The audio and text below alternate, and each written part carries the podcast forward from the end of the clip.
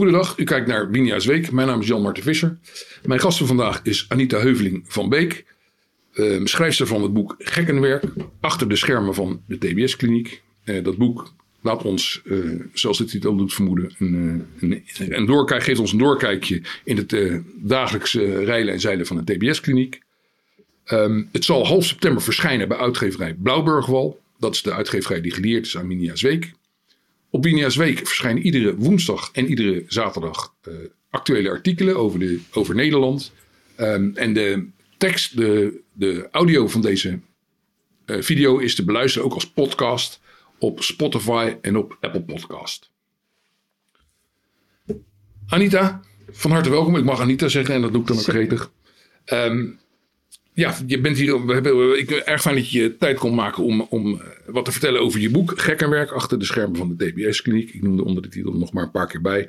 Um, ja, als iemand het boek uh, kan schrijven, dan ben jij het. Je, hebt een, uh, ja, je bent een klinisch psycholoog. Je hebt enkele decennia gewerkt in de forensische geestelijke gezondheidszorg, zoals het heet. En de laatste twaalf jaar van je carrière was je, en dan moet ik het goed zeggen, um, hoofdbehandeling op de resocialisatieafdeling van een TBS-kliniek. Even voor de mensen die totaal niet ingevoerd zijn uh, in het wereldje uh, van de TBS-klinieken. Wat doet een hoofdbehandeling op de resocialisatieafdeling? Ja, een resocialisatieafdeling is dus in eerste instantie een afdeling waar mensen al veel vrijheden hebben. Dat is dus buiten de beveiligde omgeving van de kliniek. Buiten de hekken, om het zo te zeggen. En de mensen worden daar uh, toegestaan om steeds meer vrijheden te praktiseren, zoals het in vaktaal heet. En dat betekent werken. Uh, uiteindelijk gaan ze van die afdeling naar begeleid wonen of zelfs een zelfstandige woonsituatie als ze dat aankunnen. En een hoofdbehandeling houdt toezicht op um, bijvoorbeeld de verlengingsadviezen, zorgt dat uh, alles zo'n beetje loopt zoals het hoort te lopen, samen met de teamleider die over de sociotherapie gaat. En um, doet ook intervisies en supervisies met um, minder uh, hoogopgeleide en minder ervaren beginnende psychologen die op de afdeling werken. Ja, Overigens moet ik even aanvullen, ja, als dat mag, zeker. dat ik op den duur ook meer afdelingen deed, dus ook in de kliniek zelf. En ook de proefverlofpatiënten die dus overal in het land kunnen mm uh, worden uh, opgenomen om van daaruit te resocialiseren. Dus dan bleef je toch een beetje verantwoordelijk, omdat het alleen nog maar, nog maar proefverlof was. We gaan nu al een beetje de, de ja. organisatie van de TBS-kliniek in. Laten we nog even uitzoomen, want als ik, wat ik waarneem, wat mensen weten over TBS-kliniek, en dat is voor veel mensen toch een beetje een black box. En um, ja, ook, er is ook een wat negatievere versie, een black box, waar, waar een aantal min of meer wereldvreemde mensen in witte jassen af en toe een gevaarlijke gek op onze maatschappij loslaten. Het is een karikatuur ja. van een omschrijving, dat geef ik direct toe. Mag. En onwaar, waarschijnlijk. Zeker. Geef alles wat er goed gaat. Maar ik wil jou graag de gelegenheid geven. Kun jij eens, kun jij eens kort en mondig uitleggen. Wat is een TBS-kliniek eigenlijk? Wie komen daar terecht? Ja. Uh, wat moet je daarvoor ja, doen om erin te komen? Ten eerste hebben we geen witte jas aan. We hebben gewone kleding aan. Oké. Okay. Meer, een merendeel van de mensen wordt getutoyeerd. Ook als je wat ouder bent. Tenzij iemand dat echt niet wil. Dan kan dat natuurlijk.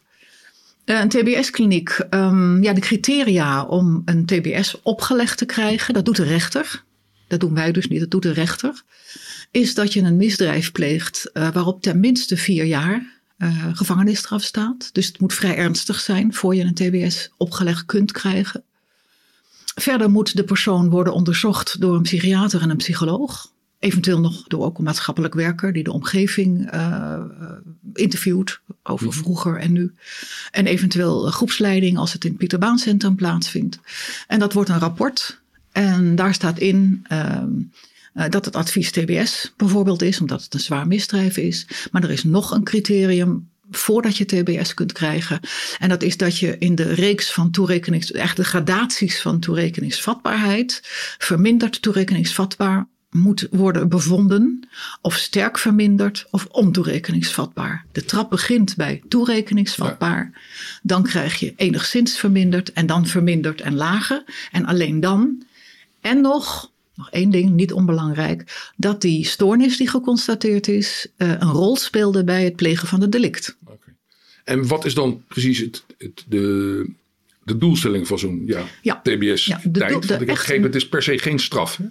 Het is een maatregel, ja. dat klopt. Maar het wordt natuurlijk wel vaak ervaren als een straf. Ja. Maar dat is logisch, zou ik okay. bijna zeggen. Um, het doel, de missie van een TBS-kliniek is het beveiligen van de maatschappij. En dat vind ik heel belangrijk om te onderstrepen, omdat ook in de TBS-kliniek wel eens wordt gedacht: het is de bedoeling om de patiënt te behandelen. Dat is natuurlijk het middel. Mhm. Het middel is, en dat is omdat de maatschappij beveiligd moet worden, het middel is het verlagen van het recidiverisico. Daar gaat het om. En hoe effectief, Via is, eh, behandeling. hoe effectief zijn die behandelingen? Die zijn behoorlijk effectief als je het vergelijkt met ehm, gevangenisstraf alleen. Ja. De ehm, precieze cijfers staan in mijn boek, Ja. maar die heb ik niet uit mijn hoofd. Maar er is Nee. een groot verschil ehm, tussen alleen gevangenisstraf of alleen, of ook TBS, zo moet ik Ja, ik, ik, ik las ergens, ik weet niet precies of het in je boek was of in mijn research, dat er eh, verschillen tussen recidieven binnen twee jaar zonder TBS en met TBS in de tientallen procent liep. Klopt. 20 of 25 procent waren. Dus Ja. dat was nogal significant. Het is een significant verschil. Ik dacht zelfs tussen de 25 bij TBS en 75 bij. Maar dat moet ik een beetje slag om de arm. Dat heb ik gewoon niet helemaal eh, paraat. En nog één eh, vraag daarvoor, wat dieper ingaan op je boek. Ehm, hoe, is de, hoe heeft TBS onder beleidsmakers, politici de win mee of de win tegen? Want er wordt er in de, Ja. ik zou zeggen, onder het volk wel eens wat gemormel. Nou, hoe is dat onder politici? Tuurlijk. Ehm, dat hangt natuurlijk van de richting af die Ja. de politicus in dit geval eh, aanhangt. Ehm, ik denk dat merendeel wel voor de TBS-maatregel is. Maar ik denk ook dat er wel heel kritisch naar gekeken wordt. En dat vind ik ook terecht. Mhm. Want het is een dure maatregel. Dat is natuurlijk ook vaak wat je hoort. Mijn moeder ligt eh, een week in de luiers en wordt eens in de drie weken eh, gedoucht. En die mensen daar, die, hebben, die kosten zoveel honderd euro per dag. En die- 465 stond die. Juist, ja, heb ik ook een, Ja, denk een paar getallen, dat kan geen kwaad. Ehm, die verhouding is zoek. En daarvoor moet je natuurlijk wel een beetje een, een, een tweede kans iemand zijn die echt zegt van nou, ik vind het humaan. Ik vind het terecht dat mensen die de spreekwoordelijke ehm, rottige jeugd hebben meegemaakt, en dat die toch ook een tweede kans krijgen. En dat vindt zeker niet iedereen in de maatschappij. Dus als je het even uitbreidt van de politiek naar de maatschappij, dan begrijp ik heel erg goed, dat heb ik ook opgeschreven in het Mhm. boek, dat mensen zeggen aan de hoogste boom of schiet maar dood. Nou, Ja. het laatste vind ik, die- die maatregelen vind ik niet goed hoor. Maar ik begrijp het wel dat uit het buikgevoel, onderbuikgevoel, het is maar hoe je het noemen wil, begrijp ik dat wel. Want je denkt toch gelijk aan je eigen kinderen als je iets vreselijks hoort Ja. over een kind. Ja. Of aan je eigen dochter of aan je eigen vrouw als je hoort wat er kan gebeuren. En dat is, maar misschien mag ik daar nog helemaal niet naartoe van jou. Ook waarom ik het boek geschreven heb. Ja, nou daar kom ik zo even op. Ehm, wat ik wil, het boek is, eh, ja, het is, het is naar de inhoud best opmerkelijk. Laat ik het eh, wat eufemistisch zeggen. Het is af en toe gewoon ronduit schokkend, vond ik. Er staan, eh, ja, je komt natuurlijk niet in de TBS-kliniek omdat je knikkers gestolen hebt. Dus daar staan. eh, Precies. gaat- Geen, niet voor je zweetvoeten heet het in de kliniek altijd. Oké, ik zal het Ja. jargon aanhouden. Nou, niet voor je maakt zweet. niet uit. En, maar ehm, ja, en jij, jij schetst ook eh, niet alleen, eh, je schetst de, de, de daders en hun achtergronden en gaat daarbij soms ook best wel in detail in op wat hen allemaal is overkomen en op wat ze hebben gedaan. Zeker. Beide kan tamelijk gruwelijk uitpakken En schokkend zijn. en schokkend zijn. Nou, Ik vond het zelf ook schokkend dat ik dat zo op kon schrijven, zal ik je eerlijk zeggen. ja, ja, ik had Jemig. af en toe, moet ik je bekennen, wel eens heel even bij een enkel incident. Ik dacht van nou, voor mij had er iets in het detail in mogen. Maar goed, Meer detail? Minder. Oh, minder. Ik vond het, best, ik vond het pittig en ik, ik, ik, ik ben wat gewend, dat durf ik te zeggen. Ehm, maar tegelijkertijd, ja. ehm, dus in die zin, heel, het is ook. Ja, er zit ook zoet in, want je ziet ook sommige mensen die volledig ehm ja, aan flarden zijn in mentale zin, in psychische zin. Die zie je dan toch opkappelen en iets van hun leven maken.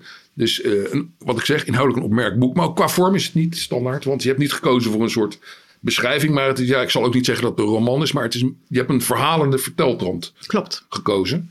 Ehm, op een bepaalde manier ook, ik, als ik je voorwoord moet geloven, ook weer logisch. Want je hebt, eh, nou laat ik zeggen hoe ik het opgevat heb. Je geeft duidelijk aan dat je naam er verandert. En dat je herkenbaarheid eh, uiteraard niet wil in verband met privacyoverwegingen. Ehm, maar toch zeg je ook, en corrigeer me als ik dat verkeerd heb opgevat, eh, dat het het meeste gewoon gebeurd is. Of Klopt. eigenlijk allemaal gewoon gebeurd is. Kijk, sommige dingen heb ik natuurlijk verzonnen. Want ik beschrijf, ik beschrijf hoe iemand, een, een oudere man, een meisje misbruikt. Ja. Dat is een van de schokkende stukken, Ja. denk ik, dat jij ook hebt ervaren. Zeker. En waarvan ik zelf verbaasd was dat ik toen ik af had van dat ik dat heb. Dat zit toch ergens in je hoofd. Mhm. Maar ehm, dat was de vraag nou precies. Ehm, Eh, even kijken, dan weet ik het ook meer. ja, dat, dat, dat kan soms zo. ehm, Nee, oh ja, ik weet alweer wat de vraag was. Kijk, ik heb het wel, het is wel, ondanks de wat, langzaam zeggen, verhalen, bijna Oh ja. literaire vorm, heb ik het toch als een Ja. vrij natuurgetrouwe eh, Ik weet het weer. omschrijving van de werkelijkheid. Dus dat, dat heb ik nooit letterlijk zo van iemand gehoord. Nee, nee. Dat, wat ik daar heb opgeschreven. Soms wel de feiten van ik deed dit en dat. Maar die heb ik natuurlijk in een verhalende vorm omgezet. Bovendien heb ik sommige eh, patiënten, maar ook sommige personeelsleden, eigenlijk eh, stukjes van genomen. Om Ja. er één personeelslid of één patiënt van te maken. Mede voor de eh, romanvorm, dat het soepeler en, en, en prettiger leest. En Ja. ook omdat de herkenbaarheid dan minder wordt. Ja, Klopt. oké. Dus- Maar grosso modo, wat daar gebeurd is, Ja, dat is echt allemaal waar. Knip- en plakwerk uit de werkelijkheid, zal ik maar zeggen. Eigenlijk wel. Ja, ja. Ja, door mij natuurlijk, door mijn ervaring gekleurd. Dat staat er ook in. Dat hè. is het is mijn zo. eigen ervaring. Ja, is, En andere mensen kunnen het anders gezien hebben. Ehm, ja, je, je, het is duidelijk. Ik, ik, ik moet je zeggen, ik heb het ook een heel. Ik heb het toch wel autobiografisch opgevat. Niet, niet letterlijk en niet één op één, maar eh, nou ja, je maakt er ook geen geheim van. Ehm, dus ik. Wat ik, wat ik in, het, in, het, in het boek ervaar ik een zekere ambivalentie. Aan de ene kant heb je, is het overduidelijk dat je daar met heel veel plezier en passie gewerkt hebt. En aan de andere kant ehm, ja, zitten er ook duidelijk, duidelijk kritische ondertonen in. En soms weet ik niet welke, welke van de twee het wint. Dus dat, dat noopte mij in ieder geval extra tot de vraag van wat is nou eigenlijk de, de hoofdboodschap van je boek? Wat heb, wat, wat, wat heb je primair willen vertellen? Waarom ik het geschreven Ja. heb. Ik heb het vooral geschreven als echte hoofdboodschap uit een soort van idealisme. Ik wil heel graag dat mensen niet de patiënt eh, vrijpleiten. Dat heb ik zelf denk ik ook niet gedaan. Dat was zeker niet mijn opzet. Ik zeg het er ook expliciet in. Ik wil ze niet vrijpleiten. Ik wil ze niet ontschuldigen, om het mooi te zeggen. Maar ik wil het wel betekenis geven. Waarom doet iemand dat? En daarom heb ik ook uitgebreid in sommige gevallen, soms wat minder uitgebreid, de voorgeschiedenis opgetekend. Omdat dat, als je die leest, dan zou je eigenlijk moeten snappen dat het delict wat volgt onontkoombaar was. Dat moest gewoon gebeuren. Daar kom je niet meer onderuit. De trein rijdt. Er gebeuren verschrikkelijke dingen in die trein. En die trein crasht. Dat kan niet anders. En dat wil ik graag dat mensen, ondanks de risico's die er. Je hebt geen garantie eh, in de TBS dat nooit meer iets gebeurt. Net zoals je in de auto rijdt, er kunnen altijd ongelukken gebeuren. Dus dat Ja. beoog ik niet te eh, vertellen. Maar wel dat het de moeite waard is. Dat deze mensen echt zo nare dingen hebben meegemaakt en zo verwaarloosd zijn. En dat je je kunt voorstellen dat een heleboel mensen zullen zeggen: Nou en? Dan nog vind ik dat je dat niet mag doen. En dat vind ik natuurlijk ook. Maar het gebeurt. Het Ja. gebeurt wel. Dus betekenis geven, begrip kweken, een beetje empathie oproepen. Om het draagvlak van de TBS groot genoeg te houden om het in stand te houden. En als je het dan over de negatieve dingen hebt, want dat vroeg je ook, de balans weet ik niet precies. Ik denk zelf positief, Hm. heel duidelijk. Uh, maar natuurlijk, zoals in iedere bedrijf, kantoor, uh, andere kliniek, uh, ziekenhuizen, zijn er mensen die het niet goed doen in hun werk. Ik noem dat altijd, iemand, ik noemde het in het boek remmers in vaste dienst. Ja. Een term die ik geleend heb van een collega. Maar ik zei zelf altijd, die zitten achter een bureau hopen dat het zo leeg, of zorgen dat het zo leeg mogelijk ja. blijft en wachten tot het over is. Die mensen heb je nou eenmaal. Die heb je overal. Die heb je overal. En soms kun je natuurlijk zeggen, ja, dan moet je een dossier aanleggen, dan moet je ze ontslaan. Nou ja, goed, dat. Dus er is zeker wat op aan te merken. En um, ik denk dat we alles moeten doen om die aanmerkingen en aanbevelingen hopelijk ook, want ik Mhm. probeer ook wel aanbevelingen te doen, um, om die ook in de praktijk te brengen. De moeilijkste daarvan vind ik zelf personeel. Ja, nou laat ik daar eens bij aansluiten. En blijven nog even in het, in het, in het wat kritische gedeelte. Mhm. Maar af en toe krijg ik de indruk dat je, dat je ja, niet, laat ik, het, zo- laat ik het voorzichtig zeggen, niet, niet omvalt van het niveau van wat je daar gemiddeld aantreft aan, aan, aan, aan werknemers. Is dat zo, vind je? Um, En overigens, dat is een klacht, het vinden van geschikt personeel, die, die, Geen probleem. die, die veel breder. eh, Je kan het gewoon zeggen. Ja. Er zijn pareltjes tussen, juweeltjes zijn ertussen. Mensen die het zo goed doen. En er zijn mensen tussen die gewoon ontzettend weinig ervaring hebben. Ik beschrijf geloof ik ook in het boek, dat weet ik eigenlijk wel zeker. Dat ik iemand van de schoolbanken pluk die nog niet eens een bul heeft, maar wel al heeft gehaald, maar nog niet Ja, uitgereikt. En die sleur ik mee naar een afdeling om daar behandelcoördinator te worden, omdat we niemand kunnen krijgen. En dat zijn mensen, dat, ik heb er een paar meegemaakt die zo gedreven zijn, zo hard werken, zo'n hart voor de zaak hebben, dat ik ze moest afremmen. Zelfs. Mhm. Want ze verloren zich bijna in het werk, ook door de onervarenheid die je dan uh, hebt natuurlijk. Dus dat is wel een niveau wat je liever hoger zou willen hebben. Maar waar je, je moet roeien met de riemen die je hebt. Dat is eigenlijk En wat, in één woord gezegd wat ik bedoel. wat vind je grosso modo van de kwaliteit van de riemen die je aantreft? Die de in Ehm, rondloopt? Is dat... Die zijn wel voldoende. Dat denk ik wel. Dat denk ik wel. Wat ik heb meegemaakt was het wel voldoende. Maar het kan veel en veel beter als je meer ervaren mensen hebt. Maar TBS is niet een werkveld wat veel mensen leuk vinden. Terwijl ik denk het is zo ongelooflijk interessant om te zien nou, hoe het gaat. En wat voor mensen dat zijn. Dat heeft me altijd bovenmatig geïnteresseerd. Ja, waarom mensen ja. dat soort. Ik ben zelf ook het meest geïnteresseerd bijvoorbeeld in films of series. waarin je de achtergrond meekrijgt.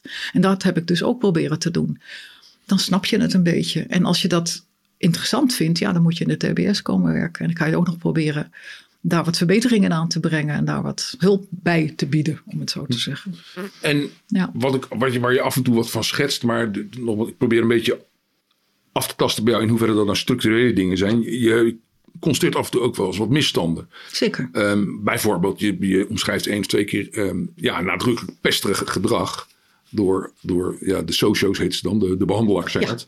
En die, eh, ja, een, een, een, een, dader of een patiënt, ik weet niet precies hoe, wat, wat Wij noemen dat patiënt. een patiënt Ja. die al op scherp staat, dus die, die zich geen fouten meer kan veroorlopen, voorloven. ehm, net zo lang tergen totdat hij uit zijn slof schiet en, Ja. en daar de negatieve consequenties onder vindt. Ja, daar heb ik dus één keer eh, gewacht van gemaakt, geloof ik, in het boek. Ja. Omdat ik ook vind dat als je dan over de TBS schrijft, dan moet je niet alleen maar de positieve dingen schrijven.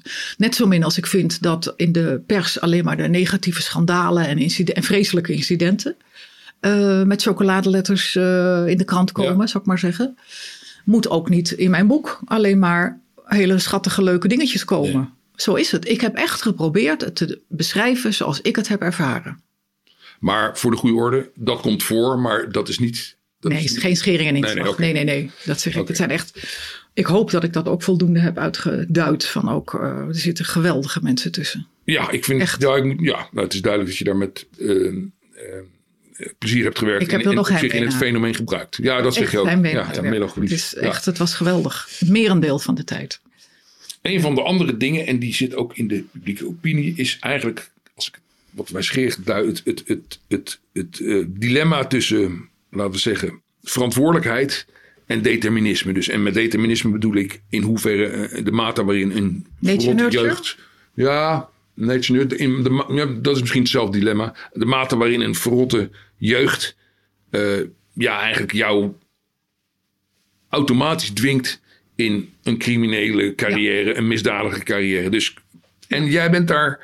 ehm, ik ben benieuwd wat je ervan vindt. Want aan de ene kant is jij, jij kweekt veel eh, begrip voor de daders. Aan de andere kant doe jij ook uitspraak anders. En ik zal je even letterlijk citeren. Je jeugd kan verklaren, maar niet verontschuldigen. Ja. Dus je, hebt, je blijft op de ene toch Ja, je blijft verantwoordelijk. houden. Ja, je kunt een ziekte hebben, hè, zoals je dan toch de DSM-5 inmiddels eh, diagnose noemt. Ehm, een echte ziekte vind ik de, eh, de AS1. Dat is een, ehm, een, eh, echt een psychiatrische stoornis.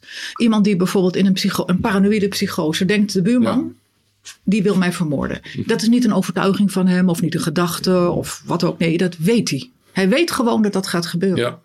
Hoe gek is die man dat hij dan die man gaat doden? Dat is volkomen normaal. Ik denk dat ik het zou doen. Als ik echt zou denken, jij gaat mij nu vermoorden, dan probeer ik jou te vermoorden, om het maar zo te zeggen. Ja, ja. En die man die heeft geen enkele verantwoordelijkheid. Dan zeggen we die is ontoerekeningsvatbaar. Maar alles wat daarboven zit, heeft een deel verantwoordelijkheid voor wat hij gedaan heeft. Ja. En dat is weer die gradatie hè, die ik net noemde, van toerekeningsvatbaar tot ontoerekening, met al die stappen ertussen ja. Heb je een deel zeker verantwoordelijkheid voor wat je doet. Want je, kunt, je hebt ook mensen die zijn ernstig mishandeld en verwaarloosd. Die gaan niet het criminele pad op. En ik denk, dat heb ik daar niet zo duidelijk in beschreven, denk ik. Ik denk dat dat komt omdat daar een aantal heel positieve factoren invloed op hebben gehad. Mhm. Een, een, een, een, een, eh, de moeder van een vriendinnetje. ja. De, de, de oom. Die, een Ja, beetje, dat zijn ook een beetje mazzelfactoren. Mazzelfactoren, maar dat is ook precies wat ik bedoel. Ja. Goeie woord, ja. Mazzelfactoren, geluksfactoren. Ja, Ja. en dat, daarvan kun je af, ja, dan heeft hij één geluk en dan gaat het goed. Ja, maar zo is het toch in het leven? Ja, dat is zo. Maar het, het, blijft, het blijft, zeker als je, eh, nou als een leek zoals ik, dat soort verhalen vertelt. Dat je denkt van ja, laat ik het zo formuleren. Als je komt van een heel geharnast, eh, ja, het is een schuld en uh, straf ze maar. En je leest jouw boek, ja, dan is dat toch iets waar je dan nog even een keertje extra over nadenkt. Omdat je denkt van ja, als je, Nou, dat hoop ik. als je zo verrot door je eerste 15 jaar heen bent gekomen, hoe kan er dan ooit nog iets goeds uit je Ja, komen? nou, maar dat, dat is Dus, precies de bedoeling. Ja, nou, daar, Dat je dan nog eens eh, achter je oren krabt en denkt van... Tegelijkertijd wil je toch mensen ook een zekere verantwoordelijkheid geven. Maar dat doe je toch door ze te straffen ja, nee, en door de maatregelen op te leggen. Jij moet behandeld worden. Ja, En als je dat niet wil, dat is trouwens weer een ander stokpaardje van mij. ja. Heel veel mensen willen niet, die komen wel, hè, die verplicht is ze komen. Dat je daar een aparte afdeling voor maakt bijvoorbeeld. Want die mensen kosten ook geld. En ik denk, ga nou niet aan een dood paard sjorren. Dat zou een van mijn aanbevelingen zijn. Zou, ja, dat zeg je ergens. de- van, Ja. Wat niet behandeld kan of wil worden, moet je ergens anders plaatsen. Ja, en misschien is er een andere oplossing hoor. Dat is wat ik bedacht heb. Maar als je met meer mensen bij elkaar zit die een beetje van de hoed en de rand weten. En je zou er eens over nadenken. Longstay is natuurlijk zo'n voorziening. Hè, dan Ja. ga je dus, eh, zeg maar, voor de rest van Kun je leven. even uitleggen? Ja, het idee. Longstay was vroeger voor de rest van je leven zit je achter slot en grendel. En je mag wel een hoop, maar dan binnen die hekken. Ja. Enkele keer mag je ook wel eens onder begeleiding naar buiten. Mhm. Of eh, zelfs naar je werk, maar mondjesmaat. Tegenwoordig is het zo, de ehm, rechten van de mens, de, de RSJ, die heeft gezegd van nou, dat mogen we eigenlijk niet meer doen. Ook iemand die in de longstay zit, die heeft er recht op dat er eens in de zes jaar, het kan zijn dat ik wel verouderde kennis heb, maar ik denk dat dat nog steeds wel zo is, zes jaar moet er een rapportage komen van een psycholoog en een psychiater die niets met die kliniek te maken heeft, om te kijken of het nog steeds nodig is. Ik heb zelf dat soort onderzoeken ook wel eens gedaan. En omdat toen het mogelijk was door allerlei technieken om te onderzoeken of iemand alcohol had gedronken, ja of nee, behalve door te blazen hè, of door het bloed, kon je ook, eh, of toen had je geloof ik, dat, ik weet dat niet meer precies hoe het zat, kun je dus toch zeggen, nou die mag vrijheden, want ik kan het heel goed controleren nu. Want eigenlijk alleen met alcohol wordt die man gevaarlijk. Als ik dat in de picture houd, dan kan die man eigenlijk een hele hoop doen. Maar dan denk ik ook wel eens, die term heb ik gebruikt in het boek, die komt van een teamleider met wie ik heb samengewerkt, longstay aan de voordeur. Dat zou volgens mij een hele goede methode zijn. Iemand blijft onder reclasseringstoezicht bijvoorbeeld of onder klinikstoezicht, maar wel zeg maar zijn leven lang. Ja, Of bij wijze van spreken zijn leven lang. Want ook hele oudere mensen, mannen en vrouwen, kunnen nog gevaarlijk blijven. Je hoort ook wel eens van opa's die hun kinderen, kleinkinderen misbruiken, om maar een voorbeeld te noemen. Dus dan denk ik, waarom doen we dat niet? Waarom zou dat niet een goede methode zijn om mensen langer toezicht te laten houden, maar wel uit de directe omgeving van zo'n kliniek? maar Met een goed het klinkt, risicomanagement. het klinkt als, als, als om, om John Cleese eh, te citeren, de bleeding obvious. Eh, de- Helemaal met je eens. En, en, en is er een reden voor dat dat dan niet gebeurt? Weet ik niet. Weet ik Nou. eigenlijk gewoon niet. Nou, Nee, ik heb nooit in een beleidsoverleg met ministeries eh, over dat soort zaken gesproken. het lijkt me ook verbandig. En je bent Dat zo bezig met je werk en de werkdruk was zo hoog dat je zo weinig tijd hebt om te reflecteren op je werk. En dat heeft het boek natuurlijk wel een beetje Ja. ja eh, met, zich meegebracht. Ja. Ja. Ja. Goed, ik, ja, ik ga een beetje kritischer door het boek heen. Hier en daar diep ik gewoon een, een, een, wat eruit ziet als een stellingname op. En bevraag je op. En de volgende is ehm, de relatie met de rechterlijke macht. Vond ik eigenlijk wel interessant. Ja. Ehm, ik heb de, de indruk uit je boek dat die. Dat, de- of dat, dat, dat stel je in het boek, dat die steeds kritischer wordt richting die TBS'en. En meer in het, in het voordeel van de patiënt zich opstelt. En daar kwam achteraan, mede gezien de lange behandelduur. Klopt. En de soms ehm, nou, weinig effectieve behandelingen of onduidelijke behandelingen. Zoiets. Maar ik vond in ieder geval. Ja, dat- nee, je dat- zegt het nou, helemaal goed. Dat heb je goed geïnterpreteerd, want dat heb ik ook zo. predicaat. Ja, dat heb ik ook zo ervaren. Ehm, we hebben toen ook, we, dan bedoel ik mee de hele TBS-wereld, Mhm. niet alleen de kliniek waar ik heb gewerkt, geprobeerd om de behandeling veel meer te structureren. Dat is nog weer een, een, een, een, een stokpaardje van mij. Ehm, zodra de patiënt even binnen is, even geland is, zowel de patiënt als de mensen die met hem moeten werken, een beetje weten wat voor vlees ze in de kuip hebben, ga dan eens zitten met elkaar. Ga dan eens praten over hoe zullen we dat gaan doen. We hebben dit en dit en dit in de aanbieding. En veel meer samen met die patiënt in plaats van over de patiënt. Kijken wat kan jou nou helpen als iemand coöperatief is. Ja, Dus ja, dat eh, is wel gebeurd. Want eh, heel vaak mocht, ik weet het niet heel precies, iets van acht jaar mocht het duren, maar niet veel langer. En als het langer werd, en soms heb je patiënten bij wie de lange adem de enige methode is. Dat heb ik echt zelf meegemaakt. Echt met alles uit de hoge hoed getrokken. En toch ging hij steeds weer de fout in, zou ik ja, maar zeggen. ja. Dan houdt het op. En ik vind ook dat die, ook die mensen best nog wat langer mogen blijven. Maar misschien ook met wat minder kosten. Daar zou je over na moeten denken. Hoe, wat, waar. Ehm, Nou, dat je er inderdaad als TBS-kliniek de verplichting hebt om het niet zo lang te laten duren. Want ik ben het met je, of met jou eens, met mezelf eens. Want je hebt het goed gelezen in het boek. Dat bedoelde ik ook. Meer en meer uh, zeggen de rechters, het is genoeg geweest. Dit kan gewoon niet. Ik geef jullie de opdracht, kliniek. Om een proefverlof aan te vragen of uh, met reclasseringstoezicht en dat soort zaken. Het moet echt een keertje afgelopen zijn nu. Maar ja, wat ik dan als leek denk. Um, kijk, ik snap of ik snap niet, maar ik, ik, neem het voor een feit aan dat soms behandelingen uh, lang duren zonder dat het ja, gewenste effect optreedt. Maar als, wat ik wel beangstigend vind, maar misschien is dat, is dat, is dat koudwaardvrees, is als, als een rechter daar tussendoor fietst en gewoon keihard zegt van ja, uh, regel maar een verlofje of iets. Uh, want het duurt me te lang, even heel ja. passies gezegd. Hm. Dan noemt voor mij ogenblik de situatie op dat er een, een levensgevaarlijke gek op last van de rechter dat is wel eens gebeurd. naar buiten geduwd wordt. Dat is wel eens gebeurd, maar daar ik zou me haasten om te zeggen dat dat natuurlijk niet altijd de schuld is van de rechter. Maar dat is wel eens gebeurd dat we zeiden dat moeten we echt niet doen. Maar dan is het ook aan ons als kliniek om goed over het voetlicht te brengen waarom het echt niet de bedoeling is dat we dat nu doen met deze meneer of deze mevrouw. Dat vind ik ook. En is het momenteel nog een trend dat, dat, dat rechters wat kribbig zijn over, over Nou, kribbig zal ik niet zeggen, maar wel heel kritisch. Ja, ja. Dan moet het wel zo lang duren. Gaan jullie eens wat harder werken of, of betere methodes ontwikkelen? En die zijn al erg verbeterd hoor. Die risicotaxaties waar ik ook over spreek in mijn boek. Die zijn echt state of the art, zoals dat in de, in de, in de wetenschap heet. Dat zijn de modernste methoden. Daar worden uh, betrouwbaarheids- en validiteitsonderzoeken op losgelaten om zo'n vragenlijst of zo'n test uh, betrouwbaar te maken. En ja, dat is meer en meer, of meer en meer, dat is nu gewoon gemeengoed in de klinieken. Ja, ja, En nu daar, over die, daar ben ik ook wel benieuwd naar. Want ja, nogmaals, het, het, de publieke opinie is, is um, nogal, nogal incident-driven, zal ik maar zeggen. Dus dan, dan wordt er eens. Ja. En het zijn natuurlijk ook dan gelijk weer gruwelijke dingen. Wordt er weer ergens een meisje vermoord, ja. verkracht. Nou ja, dat is dat. dat ja. ja daar wordt Wie daar niet van? Iedereen wordt daar heel onrustig van. Tegelijkertijd zou het zomaar kunnen zijn dat in the grand scheme of things, sorry voor het Engels, maar als je statistisch bekijkt, dat het, dat het, een, dat het een absoluut minimaal percentage is. Dus hoe, nou, daarom, daarom moet je ook natuurlijk niet uh, op je onderbuikgevoelens afgaan. En daarom heb je die rechter en die kliniek nodig. En ik denk ook, dat is weer een soort verstoppaardje van mij, dat klinieken onderling veel meer moeten samenwerken. Er was toen sprake van, maar dat is allemaal te duur en te veel tijd. Dat is gewoon zo. Dat de ene kliniek advocaat van de duivel speelt bij de andere kliniek. Dus we gaan een verlengingsadvies schrijven of een verlofaanvraag. En bij die vergadering waarin dat besproken wordt, komt ook de andere kliniek. En die speelt de rol van advocaat van de duivel. Want dan blijf je scherp. Je gaat misschien te veel mee met de patiënt. We zijn ook maar mensen. Het boek had ook mensenwerk kunnen heten. Ja, ja, ja. Ik vond gekkenwerk gewoon een, leukere, een leuker woord. Maar, um, dus dat zou je moeten doen om te voorkomen dat het um,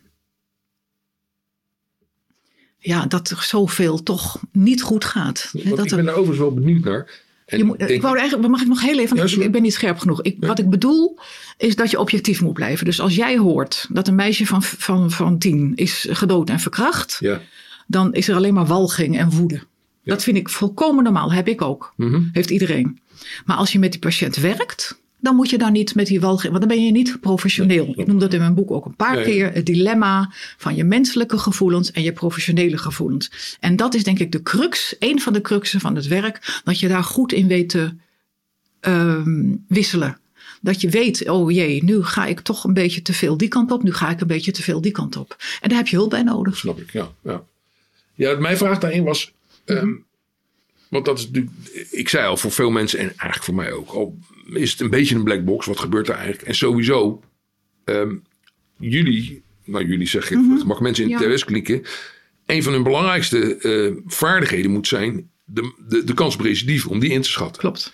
En is dat nou veel meer, ik ben een leek, is dat nou totaal koffiedik kijken? Nee, dat is geen natte vingerwerk. Of, of, is daar echt wel wat, wat, wat ja. liefst iets wetenschappelijks onderbouwd? Van nou, dat is een risicotaxatie. Ja. Dat is risicotaxatie, dat is PCLR, dat is een uh, psychopatenchecklist. Een interview is dat, dat door meerdere beoordelaars wordt bekeken om hem te scoren, mm waar ook nog een vragenlijst bij hoort. En wat heel belangrijk is, is de sociotherapie op de afdeling. Want je kunt uit hele kleine dingetjes soms opmaken, dat zit niet goed bij die man of bij die vrouw. Dat is, dit is raar wat hier gebeurt. Okay. Um, we hadden een patiënt, een pedofiele man, Die uh, werkte buiten de kliniek, was wel nog in de kliniek opgenomen. En die bleek, dus daar moet je ook heel erg alert op zijn, telefonisch contact of schriftelijk contact, dat wil ik even afwezen, te hebben met een andere pedofiel die buiten gewoon woonde. Dat kan niet. Dat kun je je niet permitteren als je om die reden bent opgenomen. En dat moet je die man duidelijk maken, want als hij dat niet snapt, dan ontbreekt er iets aan zijn snappertje. Ja, ja, ja. Dan moet je wel snappen dat je dat Ja. niet kunt doen. Nou, dat zijn van die dingen, en dat is eigenlijk nog best een groot ding. Maar er zijn ook, ik heb zo gauw niet paraat een voorbeeld. Echt kleine dingen waaraan je kunt zien, dit loopt nog niet goed. Bijvoorbeeld iemand die dit- inderdaad een kort lontje heeft nog steeds. Dat is eigenlijk wel een voorbeeld. De volgende is, stel, een, een gedachte-experiment. Eh, we hebben een wereld in Nederland waarin alle klinieken en alle psychiaters en psychologen optimaal met elkaar samenwerken. Er er zijn, Ja, is geen enkele ja, barrière meer. Dus Ja. we hebben, een, we hebben een, een potentieel gevaarlijke patiënt. Die is eh, dik behandeld. Alle kennis, niemand heeft barrières. Het wordt voorkomen gedeeld. Iedereen kijkt. Hebben wij de, zijn wij dan heel goed in staat om het risico op reci- recidive in te schatten? Ja, Ja, ja. met behulp van die wat dingen die ik zei, hè? De risicotaxatie, Ja, maar testen. we- we- alle tools, ja, nee. alles wordt optimaal ingezet. Dan denk ik dat je daar heel goed toe in staat bent. Zeg ik erbij, blijf mensen werken. En dan kan nog een eh, heel klein percentage, ik zou het niet weten, Nee, ja, Is misschien- ja, blijft mensen werken. blijft. Oké, nou daar, daar was ik benieuwd naar. Eh, Ja, heel goed. komen toch een beetje al richting het einde ook, ook van het boek. Eh, en een van de dingen die me ook opviel was, en ik zie dat wel vaker, ehm, dat je hebt een soort toptijd, je hebt daar twaalf jaar als, als, als hoofd gewerkt. En de laatste twee jaar komt er in die arbeidsvreugde een beetje de klas. En dat, ik ben benieuwd waar dat vandaan kwam. Ik, je, je, je beschrijft het, het, het, laat ik zo zeggen, het management gaat daar niet op vooruit. We het zo formuleren. Vond ik. Vond jij? vonden maar meer mensen, Nou, goed, ik ja, had de ja, indruk ja. Dat, dat, dat, dat de sfeer aardig begon te verrotten, om het zo eens te zeggen. Maar ik voel me eigenlijk af, is dat nou een... Denk jij dat dat een trend was die breder was dan alleen de kliniek waar jij werkte? En een soort, ja, noem het Mhm. neoliberaal, whatever. Pak er een, een, een, tijdsticker op. Maar een breder fenomeen was? Of had je, had je gewoon pech met een slechte manager op jouw kliniek? Nee, ik denk dat het de eerste is. Ik denk dat het een beetje een tijdsverschijnsel was. Zoals je overal ziet dat managen en, en, en logistiek en geld belangrijker gevonden wordt dan soms de missie van een kliniek of een bedrijf. Dat je dan de pop aan het dansen hebt. Dus de korte versie is, eh, door een toenemende focus op, nou, Poen eigenlijk. Op? Op Poen. Ja. eh, en, en budgetten en, en, Ja, en budgetten. Oh mensen, het woord budget heb ik zo vaak gehoord. En daar waren wij als behandelaren niet van. Dus dan moet je ons eigenlijk ook niet vragen. Ik zat in het managementteam. Ja, daar kon ik eigenlijk niet zo over meepraten. Dat wilde ik ook niet, want ik had genoeg andere dingen om over mee te praten. Maar dat was. En misschien hebben wij dat ook wel fout gedaan. Of fout, eh, niet, niet goed genoeg gedaan. Dat heb ik mezelf zeker eh, eh, afgevraagd. En daar bevestigend tegen mezelf op geantwoord. Ja. Ook met mijn collega's. Ik heb nog met wat collega's contact zijn we wel tot de slotsom gekomen dat we zo erin zaten en zo bezig waren. Ik bedoel, we kunnen onszelf makkelijk verontschuldigen met hoe druk we het wel niet hadden. Maar we hadden op een gegeven moment toch even stil moeten staan en moeten kijken hoe gaan we dit aanpakken. Dit ga, nou, trouwens moet ik toch weer om onszelf te verontschuldigen zeggen. Ja. Er zijn mede, vooral eigenlijk door mij, brieven geschreven naar het management. Van dit gaat zo niet langer. Jongens, dit gaat er gebeuren. Dit gaat, het gaat niet goed deze kant. En er werd ernaar geluisterd en er werd op gereageerd. En het verdween onder in de la. En heb je dat in meer klinieken zien gebeuren? Dat heb ik niet letterlijk zien gebeuren, maar het zou me niet verbazen. Nee, nee. Laat ik het zo zeggen. Oké. Laatste vraag. Eh, je bent een dagje of een weekje, net wat je wil, minister van Volksgezondheid. en eh, je, mag, eh, je mag de lijn uitzetten. Je, bent, je hebt behoorlijk veel eh, power. Wat, wat, wat ga je doen met die TBS-kliniek? Denk daar eens even hardop over na. Wat, wat, wat, wat, wat voor soort maatregelen? Jeetje. Ja, ik, het, is, het is wel erg snel om eventjes nu... het Ja, nou ja, ik heb natuurlijk al een paar dingen gezegd. Ja? Ik zou om te beginnen denk ik toch wel een denktank willen. Met echt ervaren mensen. En ook uit alle geledingen. Niet alleen maar de managers of de hoofdbehandeling. Nee. De, de werkmeesters van de werkplaatsen erbij. De verpleegkundigen die er werken. De sociotherapie die er werkt. Dus eigenlijk uit alle geledingen. Eh, de, de, de vaktherapie, hè? muziektherapie en, en, en psychomotoren. Al die mensen een vertegenwoordiger in zo'n denktank om te kijken. Wat voor aanbevelingen kunnen we doen? En dan moet je natuurlijk iemand hebben die ook heel goed kan rekenen. Hoe kun je dat verwezenlijken zonder dat het miljarden meer kost? Ja. Want dat is natuurlijk het probleem. Maar het allergrootste probleem vind ik het personeel. En Ervarenheid. Hoe kom je aan ervaren personeel? Dat is geloof ik het allermoeilijkste. Kun je zeggen, moet je meer betalen. Maar op zich wordt, eh, omdat je een grote verantwoordelijkheid hebt als hoofdbehandeling in het TBS, hadden wij, hebben, had ik en hebben we, denk ik nog steeds, een, een goed salaris. Kan je natuurlijk ophogen, misschien krijg je dan nog meer mensen. Maar ja, als je het alleen maar voor het geld doet, is het Mhm. Ja, ook niet helemaal leuk. eh, Kun je ook zeggen van, ik denk dat dat echt heel erg belangrijk is om incidenten te voorkomen. Je moet echt. Ehm, nou, altijd alert zijn kan je bijna niet. Hè? Daarom werk je ook in een team. Jij hebt even een mindere dag, maar ik ben juist helemaal erbij. En volgende keer is het omgekeerd. Dus zo moet je dat hebben, dat je met elkaar. En dat je ook kritiek mag hebben op elkaar. Je, mag, je moet kunnen zeggen: hé hey joh. Moet je wel kijken hoe je het zegt, wanneer je het zegt. Niet als je op je toppunt van je boosheid eh, bent. Nou ja, dat zijn allemaal van die vanzelfsprekende dingen. Dat je tegen elkaar kunt zeggen: we moeten dit anders doen. Dit is niet goed. Er moet dus geen angstcultuur zijn. Zoals je tegenwoordig weer veel hoort in, in, eh, in, eh, eh, ja, in bedrijven, zal ik maar even Ja, zeggen. ja. Ehm, het is een utopie, denk ik ergens wel eens. Maar het kan wel veel beter. Dat denk ik wel. Gewoon haalbaar veel beter. Door die denktank en door daar wat goede maatregelen op in te zetten, kan het ook goedkoper. Wat ik ook denk, vind ik ook nog wel belangrijk om te zeggen. We hadden laatst in, de, in een kliniek hadden we een, een, ehm, een, een echte misdadiger. Die ook weliswaar min- verminderd toerekeningsvatbaar is bevonden, denk ik. Anders had hij daar niet. En die ontsnapte met behulp van een ander en die heeft toen weer een misdrijf gepleegd. En ik Ja. denk, zulke mensen, en dat is misschien niet netjes om te zeggen, bevuilen de TBS. Dat zijn echte boeven. En die boeven doen dingen die de gewone gestoorde TBS'er of met een stoornis, die zijn misschien wel lastig en die doen wel eens hele verkeerde dingen, maar niet zo erg. Misschien moet je die ook eens grondig bekijken. Psychopathie is niet te genezen, zeggen we nog steeds. Ja. Moet je die dan wel in de TBS zetten? Ja. Zeker als er zo geharde, geharde psychopaten, zoals we ze dan noemen, hè? ja. moet je dat doen. Is ook nog zoiets. Nou ja, Ik heb zomaar de indruk Ik dat je er voorlopig nog niet eh, over uitgedacht bent. zeker niet. En ik heb vind ook zo'n indruk dat we heel dit- interessant. ja, nog wel eens iets van je gaan horen in dit opzicht. Eh, ik wil je voor nu bedanken voor dit interview. Graag gedaan. Ja, het was mij genoegen. Ehm, dames en heren, daarmee zijn we aan het einde gekomen van deze aflevering van eh Winia's Week. Mijn naam is Jan Martin Visser. Mijn gast vandaag was Anita Heuveling van Beek. En eh, we spraken over haar boek Gekkenwerk. Achter de schermen van de TBS-kliniek. Dat zoals gezegd half september uitkomt bij eh, uitgeverij Blauwburgwal. Dat zal overal op alle reguliere punten te koop zijn. Online en offline. Maar natuurlijk vooral op de website winiasweek.nl waar u het boek kunt bestellen. Op winiasweek.nl verschijnen zoals gezegd iedere woensdag en iedere zaterdag eh, artikelen over de actuele situatie in Nederland. En deze video's kunt u allemaal kijken, terugkijken op het eh, eh, YouTube kanaal van Winia's Week. En de audio kunt u als podcast beluisteren op Spotify en op Apple Podcast. Wilt u niks meer missen, dan kunt u zich ook abonneren op de nieuwsbrief op de website winiasweek.nl door daar uw e-mailadres achter te laten.